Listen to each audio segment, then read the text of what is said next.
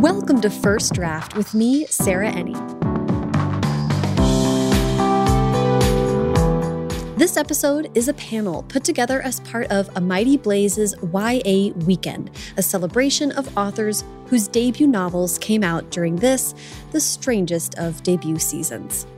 This panel, Queer Love Stories, features a conversation between Sam Maggs, author of The Unstoppable Wasp, Girl Squads, and more, Lyla Lee, author of I'll Be the One, Tobly McSmith, author of Stay Gold, Adiba Jaigirdar, author of The Henna Wars, and Leah Johnson, author of You Should See Me in a Crown.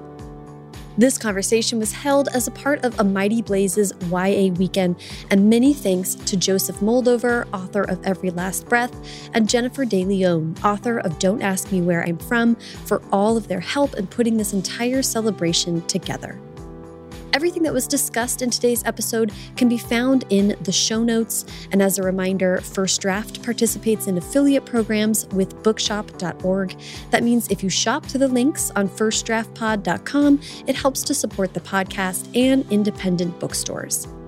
If you'd like to donate directly to First Draft, either on a one-time or monthly basis, you can do that at paypal.me slash firstdraftpod. Track Changes, the first draft miniseries that gets into how your book goes from a laptop to a bookshelf, is now complete. You can hear the entire series, nine episodes plus four bonus episodes, at firstdraftpod.com slash track changes. But if you're looking for even more information, subscribers to the Track Changes newsletter get updates from me every Thursday, sometimes Friday, with additional information I gathered in researching for track changes, as well as industry updates and more original reporting. You can sign up for a 30-day free trial of the Track Changes newsletter and learn more about both projects at firstdraftpod.com slash trackchanges. Okay, now please sit back, relax, and enjoy this A Mighty Blaze YA Weekend panel. Hello, everyone, and welcome to A Mighty Blaze's YA Weekend. I'm Joe Moldover. I am delighted to be here with you this afternoon for our second panel, Queer Love Stories. Um, A Mighty Blaze exists to support debut authors and independent booksellers during COVID, and today we are turning our attention to the YA community. Before we get going, please take a look at the URL on your screen. Uh, going to amightyblaze.com slash YA weekend will allow you to link into the bookshop.org stall for this event, where you can support independent booksellers and all of these authors by picking up copies of their books. Massive thank you to Sarah Enni of First Draft Podcast and Jennifer De Leon, author of The Forthcoming. Don't Ask Me Where I'm From, for their collaboration in this event. And now we are going to go into our first panel, uh, excuse me, our second panel, moderated by Sam Maggs. Sam Maggs is a best-selling author of books, comics, and video games. She's a senior writer for games like Marvel's Spider-Man, comics writer for titles like Captain Marvel, My Little Pony, and Transformers, and her debut novels, Conquest and The Unstoppable Wasp, Built on Hope, are available now. Sam, thank you so much for being here, and I'll turn it over to you to introduce the rest of the panel. Thank you so much. I'm super excited to be here. Uh, I think this is going to be a ton of fun. Uh, cannot wait to have this discussion. I do want to say to everybody watching, we are going to be taking audience questions at about the 30 minute mark. Um, so if you do have questions for our panel, uh, please go ahead and drop it in the comments. We'll be sure to get to those. Um, so yeah, ask us anything. We're super nice, I promise. My name is Sam Maggs. That was a wonderful introduction. Uh, I'm the author of The Unstoppable Wasp, built on Hope, which has Ace and Sapphic superhero characters. So if that's something that you're into, uh, you should give it a shot.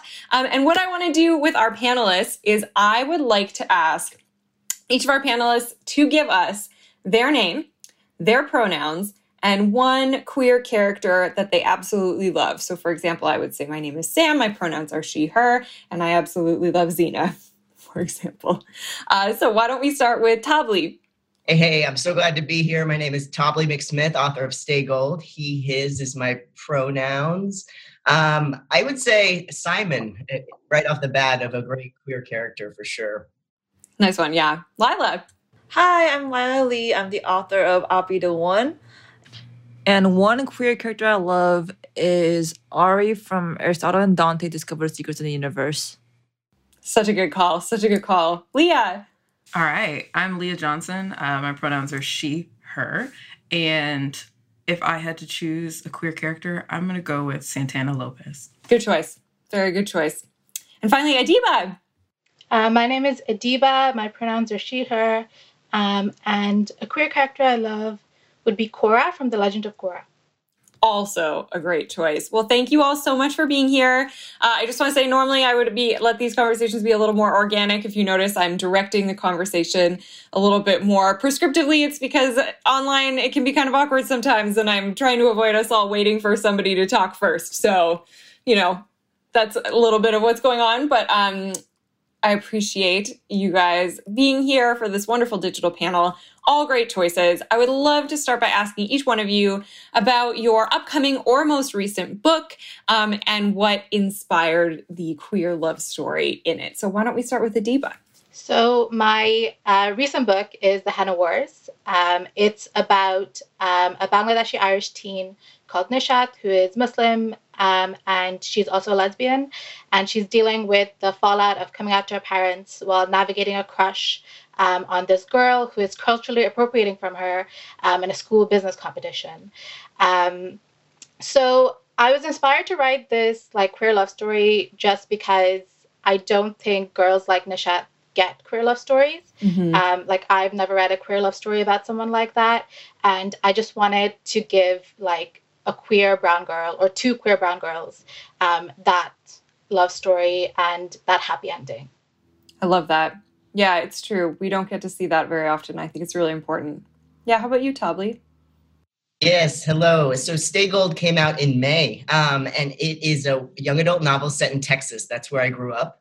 Um, it is a love story. That's what we're talking about today. Lots of will they or won't they, but it's also covering serious transgender issues like dead naming and um, uh, misgendering and bullying and everything. So it's based on Pony, who is a transgender boy who transfers to a new high school and decides to go stealth or hide his gender identity, and Georgia, a cheerleader at that school.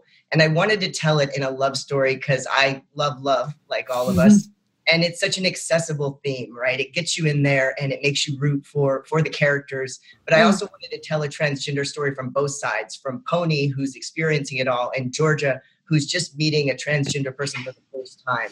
And i thought that was two important points of view and what better to weave it in with um, love and flirting and whatnot I think that's great. We talked about this in a previous panel that you and I did as well, but there are so few trans stories in YA told by trans authors. And that's why I think it's so important that this book is out there. And also it's really like well written and super cute and fun. And that that is also wonderful. But yeah, um, it, it's great stuff. Yeah. How about you, Leah?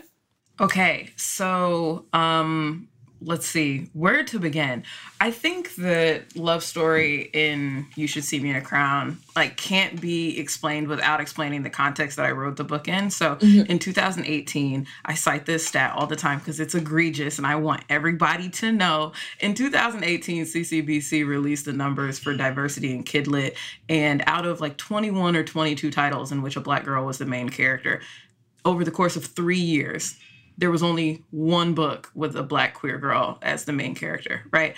And so that was the context that I was writing this book in, that there wasn't a lot of story, there weren't a lot of stories with girls that um, had identities that were the same, same as mine. And so mm-hmm. um, I wanted in this book to, if I only got one shot to write a book, I never got another one after this, then I wanted to make sure that it was clear that um, black girls who grow up in relative poverty or grow up in towns in which people don't understand them um, have a vision of what is possible, and that is joy, and that is love without apology, and um, also if the typical all-American girl is white, cis, and straight, then like let's let's queer that up a little bit. Let's make her black and poor and anxious and very very queer. always need more books with anxious characters as well. I love that representation personally. So good. I we have such a great theme here of there being something so lacking in in the market talking like from a cynical standpoint but just in that like you know intellectual emotional space in YA that you have all filled with your books and I think that's pretty wonderful. So let's finish off with Lyla. Yeah, so mine's pretty similar. Uh, well, for me, with Be the One, like, uh, I when I grew up uh, reading YA, I I haven't I hadn't really like seen any like Asian girls on covers like this, Mm-hmm. and also like similarly like when I was reading YA, also like I saw a lot of like Asian. I saw queer characters and I saw like Asian girl characters written by white authors, but they didn't. The whole narrative that white authors wrote didn't really resonate with me. So I really wanted to write a story, a love story, um, with not just one but uh, many queer Asian teens, and kind of provide the authentic um, story that I was lacking when I was growing up as a teen. Yeah, absolutely. Um, I think that another thing that all of your books share in common is not only do they have these great queer love stories, but they also share this sort of theme of teens who are learning about themselves and figuring out how to present themselves like authentically in a way that is very true to them. Why do you think that that was an important theme to write about for today's young adult reader? Maybe we can start with Leah. Okay, yeah, man, it's always so weird on these panels when I get called on first because I'm always caught off. I'm so caught off guard. I know you're like, Um, I'm still processing what I want to say, and yet I have to sound knowledgeable and I'm like very Right. smart. This thing. sometimes I try to like stall for time a little bit, which is what I'm doing right now. So I hope that helped. Thank you. Um, normally I just wait for Adiba to answer and then I just like tag team whatever she says. She's always right. Yes. Um, um, so let's see. Why is it important to teens today? That's that was the question. Why is it yeah, important to the, these tell stories? themes about like you know figuring out who you are and how to present yourself authentically. Like, why did you feel that was important to include in the in the narrative? Got it. So I think first of all, if we've never seen books like this before, like we're still very much at the beginning of what queer YA is going to be or what it mm-hmm. can become, then these books offer blueprints to readers for a world that is possible for them, right? And so if that's the context that we're writing these stories into, then I think it's important in the work to give like illustrations of what it means to be um, to have agency and to take ownership of yourself and your body and um, you know just generally learn what it means to exist within your myriad of selves wholly. Um, and i think that's relevant to teenagers as relevant to teenagers as it is to anybody else. Like that was i was in that stage in my own coming out process as i was writing this book. And so as much as i was writing this for 15 16 year old me i was also writing it for the me in my adulthood who needed somebody to tell her like hey leah it's okay. You're going to be fine. There are people who love you and will love you after you come out. Um, but more importantly than all that you can love you as well I've talked to several folks on panels like this who had a similar story, myself included, of coming out later in life. And I think largely because we didn't see representations like this in books when we were teenagers or on TV or in movies. And teens today are so, so well educated about this stuff with the internet and with wonderful books like these. It really like gives me hope for the next generation that they won't have to be 27 and still being like, what's a bisexual or whatever. So that's, you know, I, I'm into that. Yeah. And after that wonderful uh, recommendation, why don't we go to Adiba next? this time I'm gonna tag team off Leah. but no, like you know, I agree. I agree with Leah that for so many of us, we've never seen um, books or TV shows or movies that Mhm. represent our experience. Um, like for me, it's not even my experience like a queer person. Um, like a Bangladeshi character in YA didn't exist until 2019.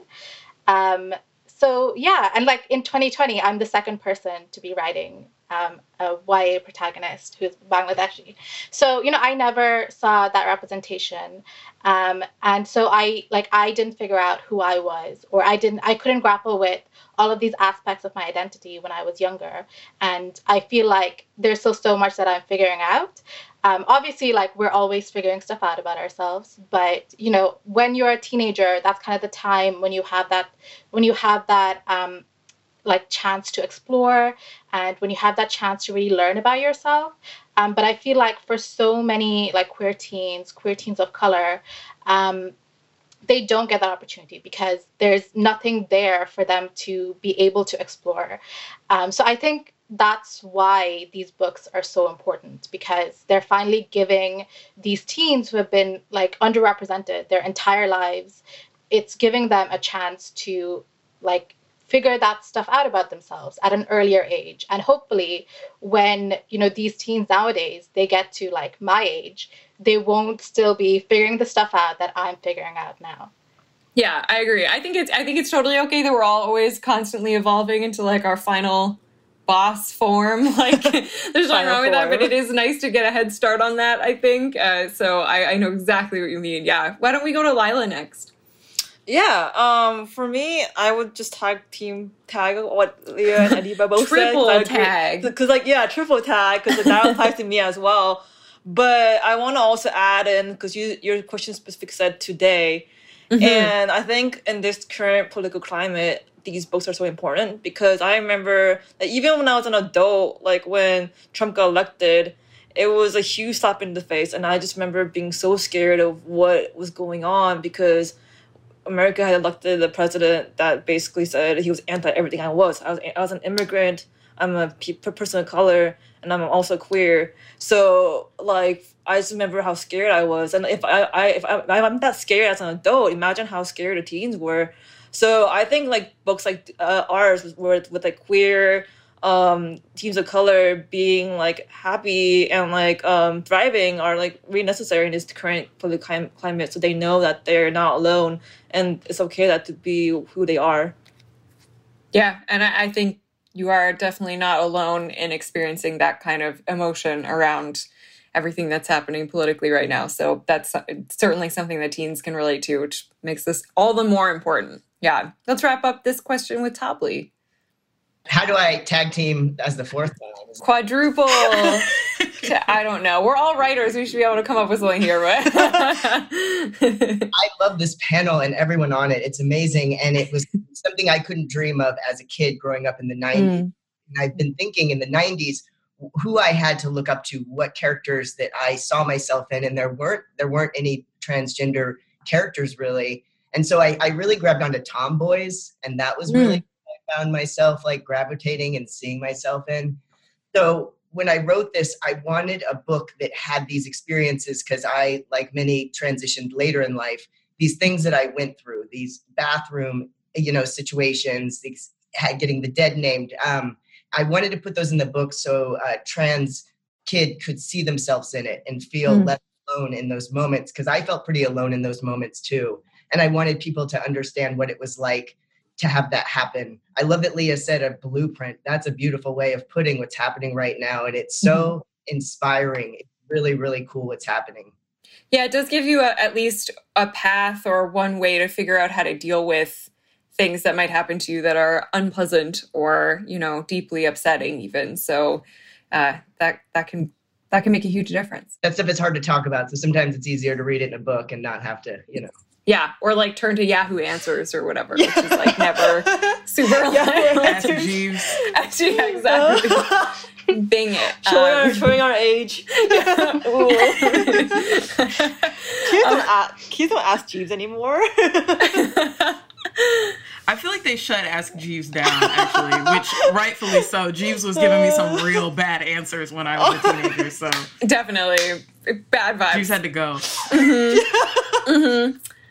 Um, it, everything that you guys touched on, it all brings up a another sort of similar theme, which is that a lot of us did, and a lot of people still do face difficulty growing up queer or knowing who we are, or even feeling free to talk about it publicly. Uh, you know, especially feeling free to talk about it publicly. And obviously, all of us are here now talking about it very publicly. Uh, we all publish books that have queer characters, but I am curious to know at what point in your life and in your career did you first start feeling comfortable writing about queer themes? And I, I, like to ask this on panels because I think that it is super different for everyone and there is no right answer. But I, I'm just curious about your personal journeys to feeling able to be uh, to be able to write loudly about this is. And and maybe we can start with Lyla.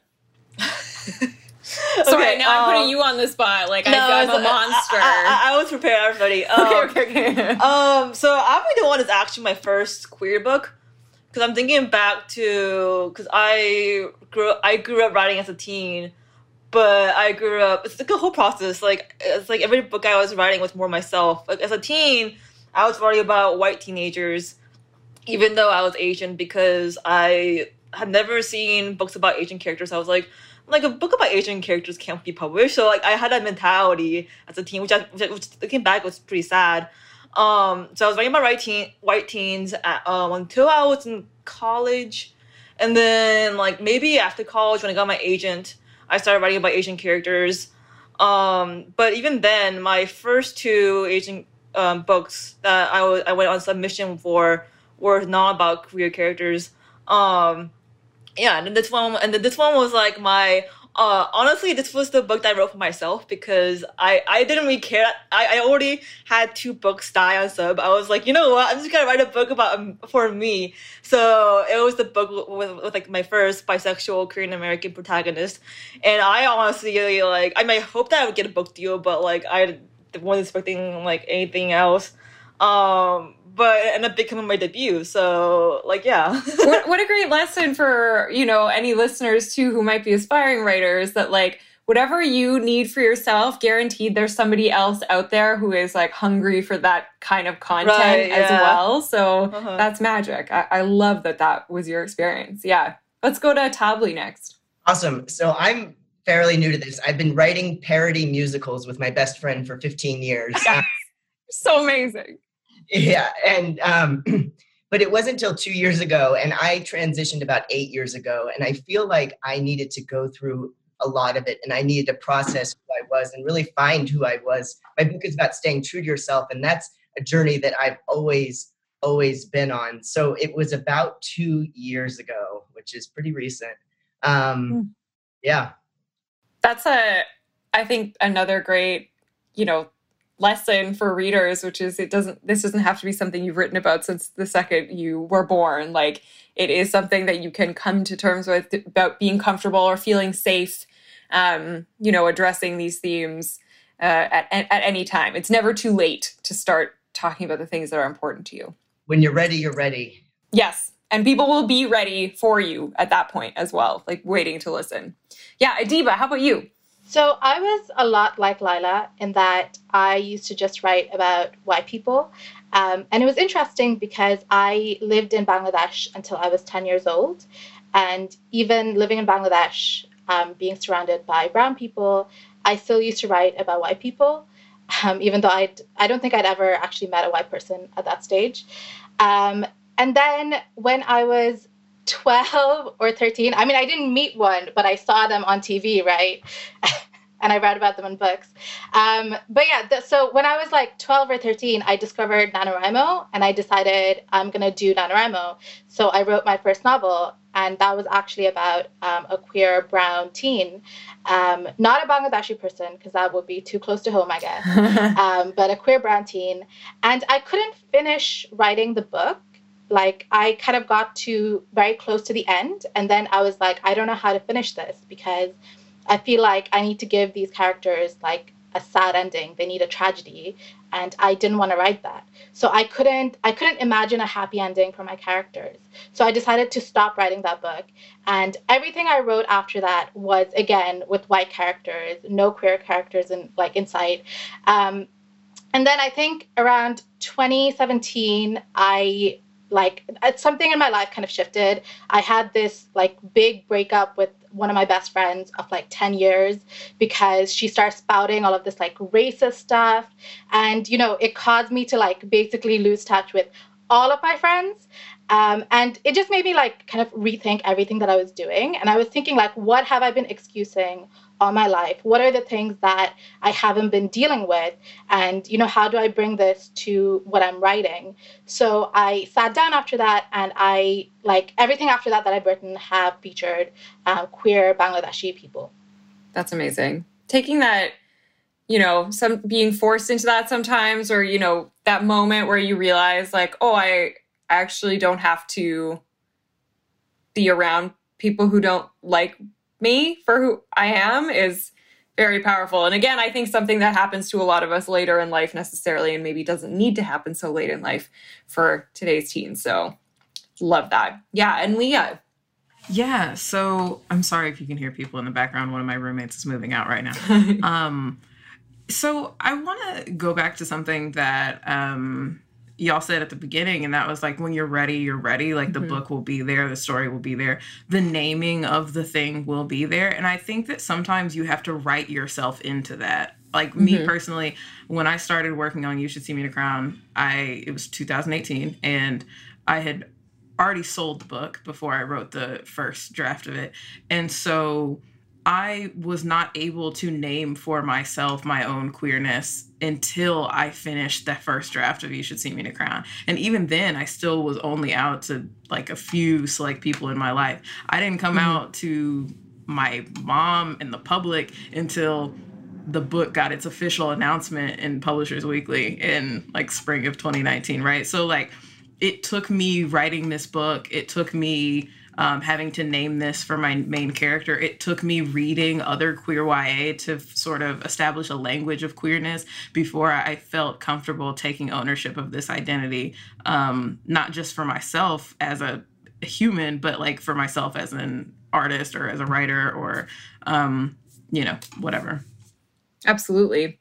Absolutely. Um, and yeah, I, I think this is such an interesting discussion. We're going to skip over to some audience questions now um, because this is a question that I was also going to ask. So I love that someone in the audience asked it too. Uh, but we've been talking a lot about this dearth of queer pop culture when we were all growing up and how we didn't really see ourselves represented. Um, so I, I do want to ask, and I'm curious to know, and if the answer is no, that is also totally okay and valid. But were there any books or pieces of media that did have queer characters that you saw growing up that had an influence on you and made you want to create. Um, I mentioned like Xena early on. I think my like bisexual brain somehow was like, I know what that is, even if they like never said it. Um, so if, if there was anything like that that that made a positive impact on you growing up, maybe we can uh, start with Tobly. Oh yes, I mean we're talking the '90s here, so yeah. uh, dry for the queer characters. I did. I was thinking this. I loved Boy Meets World. That was like so formative for me. That show. I loved that show, and I loved like I loved the love stories of like Saved by the Bell and Roseanne and all this. But there's no not Roseanne. I'm sorry. That, there's no love in Roseanne. Um, Saved by the Bell. We'll, we'll yeah. say the Bell. Um, but you know, I had seen Boys Don't Cry, which is a movie featuring a transgender character, a very harsh movie that came out 20 years ago when I was 20, you know? Mm. And I thought about that book a lot as I was writing my book because it has such a sad ending that's a true story. But I wanted to kind of right the wrongs of that book in a lot of ways, or that movie in a lot of ways too. That was my one of my only touch points. That and the L word, which wasn't that positive towards trans um, either. So you know, it feels like I'm trying to right the wrongs of my childhood of, of what the characters I saw. I love that. I love that. Yeah, the L word, you know. The new one's better. Yeah, we had what we had. Listen, you know? yeah. How about you, Lyla? Um, well, I kind of want to go back to what Leah said about like kind of finding the language of queer books because that was, was kind of important for me too. Because I didn't know I was queer until I was like what twenty, and by then I'd kind of grown. I, I, I don't say I don't I don't want to say grown out of, but like I just stopped reading young adult books by then because I was in college, and when I was 20, that's when I started reading uh, YA books uh, again, and like I that's when I found like Aristotle and Dante discovered the secrets of the universe. Um, I found like Simon versus this is uh, um, the homo, the Simon verses, I, and I found like all those queer books that kind of like. Oh, I also found like Adam Adam Silvera's books. So all those books like kind of helped me like uh like kind of inspired me to like write my own queer book because I, I it made me like more comfortable with writing my own queer story. Yeah, I love that. How about you, Leah? You know, I feel like there's a term for this and I don't know what it is. Sam, you know what it is because you used it on another panel before and I was like, oh, I gotta tuck that away, but I did not touch now it. Now I'm not gonna away. know it. Um, Guaranteed. it's too much pressure. Um, you know, I think something that we've sort of touched on throughout this panel is the impact of intersectionality on the way that we create and move through the world. And so, like, for me growing up, um, I would not have even said that I identified as queer, or thought that I was queer, or had any sort of inkling that that was something that could be happening yeah. until I was in my 20s. So when I was a kid, the characters that I glommed onto were like whatever you know scarce representation of black women i could find in media and so like i'm i'm watching uh daria for the you know jodie character i'm watching um Boy Meets World for Angela. You yeah. know, like I'm looking everywhere for these black girls who like reflect back to me some pieces of myself. And so those are like the characters that I was most attached to when I was a kid. And then, like Lyla said, when I returned to YA in my adulthood and like started getting back into these books and into these texts, um, the characters that I most I was like most moved by were uh, white boys. So Simon and Simon versus um, anybody in any David Levithan novel. Like these are the points of reference that I had for a really long time. And so I think um, I think you were thinking of the Smurfette syndrome when we were talking about that in another panel, where there's always just like the one girl, and then like there's a team of dudes, and then girl, and then that girl has to stand in for like all girl, even though that's impossible. So Yeah. yes, totally. there we go. Yeah. Yeah. so um so there was a lot of that going on. Um also I like I said Santana at the beginning, I was not I didn't identify as queer in high school, but I will say that like watching um uh like lesbian character who was played by an Afro Latina um actress was what like super super impactful for me like even if i didn't understand why at the time like Mhm. later in my life that kind of representation really reframed for me what was possible Yeah, yeah, yeah. How about you, Adiba? So I just have to say basically everything that Leah just said because it, it was the same. yeah, just me and Leah. Um, it was the same experience um, because you know, as like somebody who exists in the intersection of like multiple marginalizations, um, I still haven't read a book or watched a TV show or a movie that represents me, Mhm. um, other than the book that I wrote myself. Um, so I and I think that's true for like a lot of people still. So you know, I held on to like what I could find. So Yeah. I think that's one of the reasons why like Avatar: The Last Airbender was really important to me.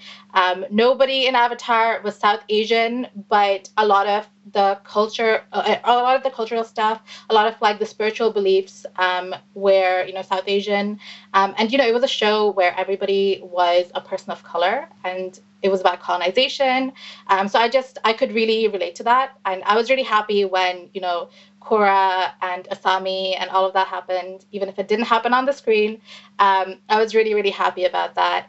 Um, and then the f- only um, like queer book that I read when I was a teenager, and I think I was like 18 or 19, so I was basically an adult, um, was Ash by Malinda Lo. Yeah. And yeah, that had a huge impact on me. And actually, it wasn't even that, um, you know, Ash was queer. It was that Malinda Lo was queer that impacted me because after I read the book, I was like, oh, like, this is a really great book. And then I looked up Malinda Lo and I was like, wait, Malinda Lo, she's Asian. and she's like, she's queer. And like, before that, I really, like, I was like, like, Asian people, they can't be queer. Like all the queer people that I see, they're all white. Um, like it's not possible for the rest of us. But then I saw Malinda Lo, and I was like, maybe it is possible for the rest of us.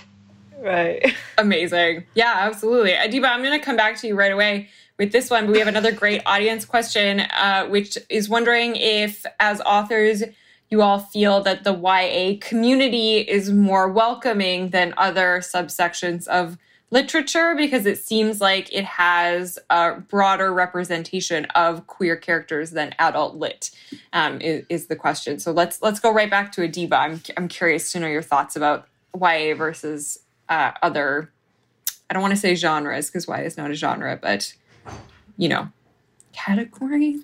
Yeah. Age groups? Oh no. yeah. Yeah. Um i i don't necessarily think ya is more welcoming.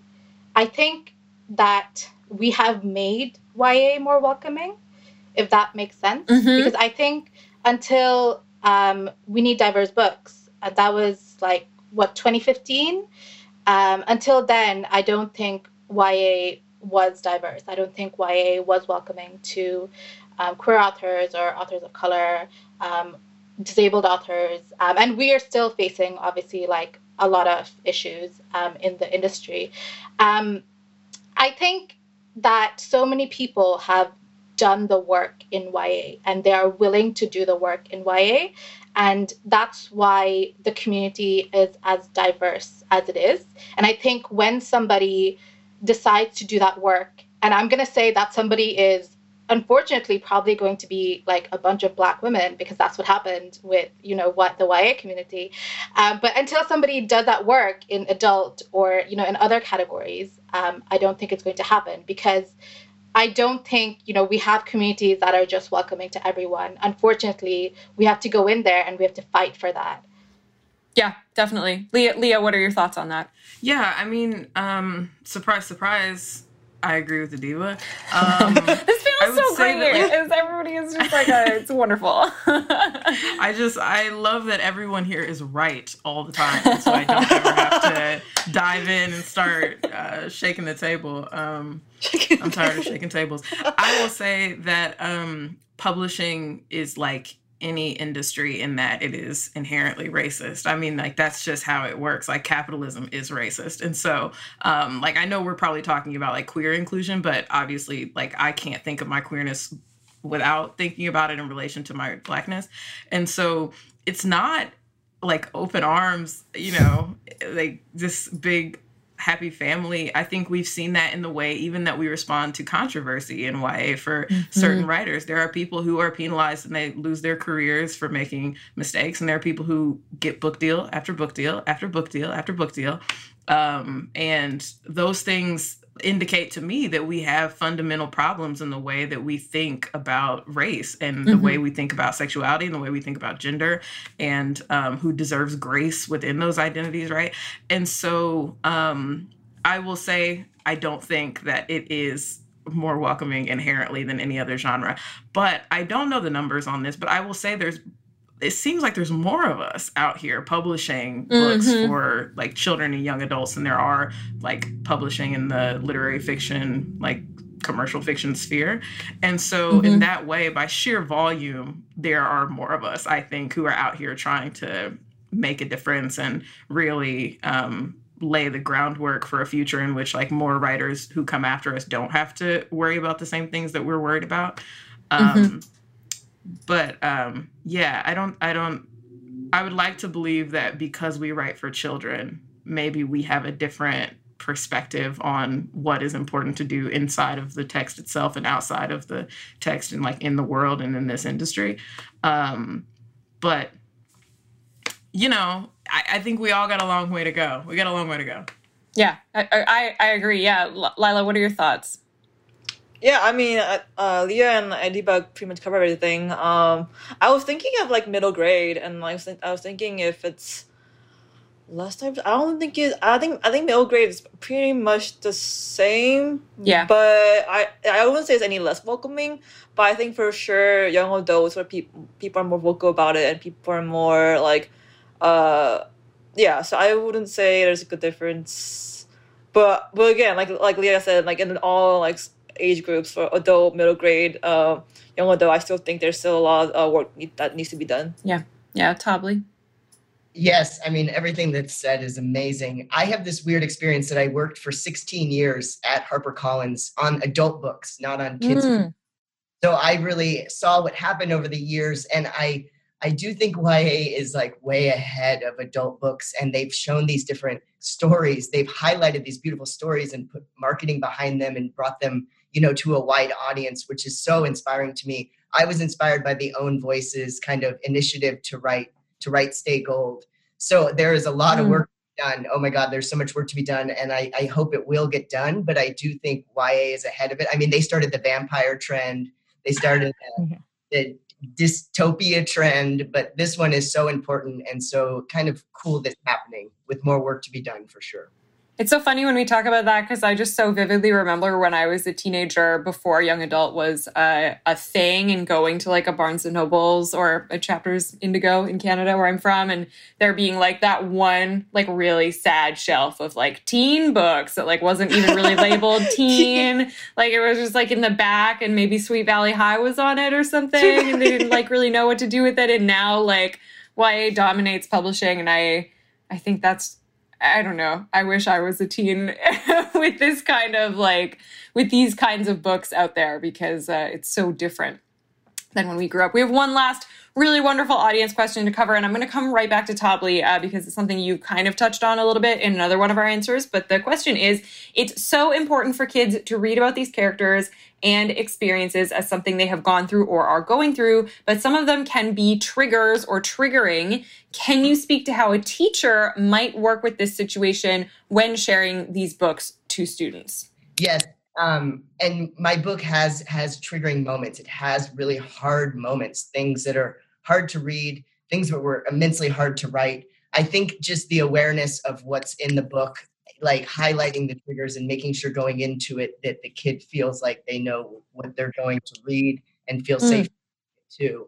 But I, you know, I couldn't shy away from those hard moments because they happen and they're real and they're real to me. So I, I felt like I really needed to write them. But I just think it's the awareness about them. Yeah. Adiba, what are your thoughts on that? Um, I agree with um. Um, it's it's a really difficult uh, like situation to deal with. I think um, I'm not sure how like American schools work, but I would say like a lot of the times you need to not give a kid a book that you think is going to trigger them. Um, and I think like we just need to be aware of that. That's why you know I think we all need to um, put trigger warnings, like if not on our books, like on our website. Um, but sometimes you know like you can give you can give kids or teens um, you know a lot of warning. You can say these are the triggers in this book and you can like supply them with um, information of how to deal if they are triggered. But sometimes they just can't deal with that. They just can't like it's just not the moment for them. Maybe it never will be the time for them to read that book. Um, and i think we just have to be aware of that. Not everybody um, is equipped to deal with those triggering topics all the time mm-hmm. yeah that's totally fair lyla yeah, I think um, I'm I'm also an educator. I, I tutor um, kids, and I was just thinking about my students. Uh, I think as teachers, what teachers can do is maybe like like um, probably say like provide trigger warnings or content warnings about like oh this is about these kind of things like um and also like if uh the, the kid like hears about those things and says oh I don't want to read it like Adiba said then like don't force him to read it. Mm-hmm. Yeah. Yeah yeah, being sensitive to what kids might be going through. Yeah. Mm-hmm. Leah? Yeah, I mean, I think all of the above. Um, I had to grab Adiba's book because of her handy dandy uh-huh. content warning page. I was like, let me just before I start talking um, out the side of my neck, make sure I know what I'm talking about. But like, I think that is so crucial and grounding for anybody who is mm-hmm. entering into a text is to know what it is you're getting yourself ready for. And I think for educators, it's paramount to, first of all, if you are not equipped, and there's no shame in this, I think that's fine. If you are not equipped to handle topics responsibly, then you should not teach the book. And mm-hmm. like, I want queer books to make it into classrooms. I want them to make it into the hands of students. But I know the damage that it causes when a teacher is not ready to have the conversations that need to be had alongside a text. Um, yeah. How many times have I sat in a room and somebody said the N word because it was in a book and they were like, but it's in the book, no big deal. And the teacher was like, it is in the book, that's literature. And so um, I just, I really would urge all instructors, all educators to be very cognizant of your limitations and know not to bring something into a space unless you're ready to really get into it. But also, um, lead every conversation with content warnings. You have to give students the ability to make decisions for themselves about whether or not they're prepared to engage with a text um, in a way that is healthy for them. And this is coming like I'm a professor and so like I teach like first year students and so that's one of the things that I try to bring into my own space. So I'm not just like throwing suggestions at you all just so you know I'm just I'm te- you know this is what I do in my own classroom so I'm thinking about it. No, I think that's super interesting. I, I want to wrap up with one last very quick sort of rapid fire question. And I want to ask everyone on the panel uh, for each one of you to recommend one book not by an author on this panel um, with queer themes that you think readers should check out. I always recommend The Tiger's Daughter by K Arsenault Rivera. It's like a high fantasy book set in like a Asian inspired high fantasy setting with two sapphic lead characters. And I think it's just, it's like a brilliant first book in a trilogy. That's what I always recommend. Uh, Leah, what's, what's one of your faves? All right, because I'm going to recommend one we haven't talked about yet. Um, I'm going to recommend Cinderella is Dead by Kalynn Bayron. Yeah. Um, it's incredible. It's so smart um, about queer girls overthrowing the patriarchy in the world of Cinderella. Instead of finding the prince, they tear down the system that built the prince. Yeah, love it. Lyla. I'm just gonna recommend all Malinda Lo's books because like she's out there being an icon and um publishing these like queer Asian books and like I like didn't um read her books when I was a teen, but like especially for teen Asian uh, kids out there, like read her books. Amazing, amazing. Adiba. Um, I'm going to recommend The Sound of Stars by Alechia Dow, which is the science fiction novel um, about Earth being invaded by these aliens called Ilori. And um, this black girl and this alien have to go on a road trip to save the world. And amazing. it's really queer and it's really amazing. Oh, I love that. I, I love anything with aliens. I'm like immediately in. Tommy. I just finished The Ship We Build by Lexie Bean. It's a middle grade with a transgender lead, and it's so beautiful. The writing is amazing. Awesome. Well, let's let's uh, wrap this up. This was such a great panel. Let's bring Joe back in here from Mighty Blaze. Uh, thank you all for your amazing and nuanced and thoughtful and funny discussion. I think this was super fun, uh, super fun way to start a Saturday. Uh, Joe, did you want to wrap things up? Yeah, this was amazing. I want to thank you all so, so, so much for participating in this. On behalf of a Mighty Blaze and the live online audience, um, thank you. You were thought provoking, you were moving, you were honest. It was a fabulous discussion that could go on and on. I want to remind the online audience to pick up all of these authors' books. Um, head over to a mightyblaze.com slash YA dash weekend. Pick up a copy of You Should See Me in a Crown, The Henna Wars, Stay Gold, I'll be the one. Conquest and the Unstoppable Wasp built on hope. Thank you so much to Sam, Lyla, Tobly, Adiba, and Leah. Check out the show notes for links to all of their social medias, or check out First Draft on Twitter or Instagram at First Draft Pod, where I will link to them all. You can also follow me, Sarah Enni, at Sarah Enni on social media everywhere too. A quick and easy way you can support First Draft is by subscribing to the podcast wherever you listen and leaving a rating or review on Apple Podcasts. First Draft was recently named one of Apple Podcasts' top 25 podcasts for book lovers, and I am so thankful to everyone who left ratings and reviews to draw attention to the show and make that possible. Thank you so, so much. If you have any writing or creativity questions that me and a guest can answer in an upcoming mailbag episode, please call and leave that question at First Draft's voicemail. That's at 818 533 1998. Or you can record yourself asking the question and email that to me at mailbag at firstdraftpod.com. Haley Hirschman produces First Draft, and today's episode was produced and sound designed by Callie Wright. The theme music is by Dan Bailey, and the logo was designed by Colin Keith. Thanks also to transcriptionist at large, Julie Anderson. And as ever, thanks to you, Love is Love believers, for listening.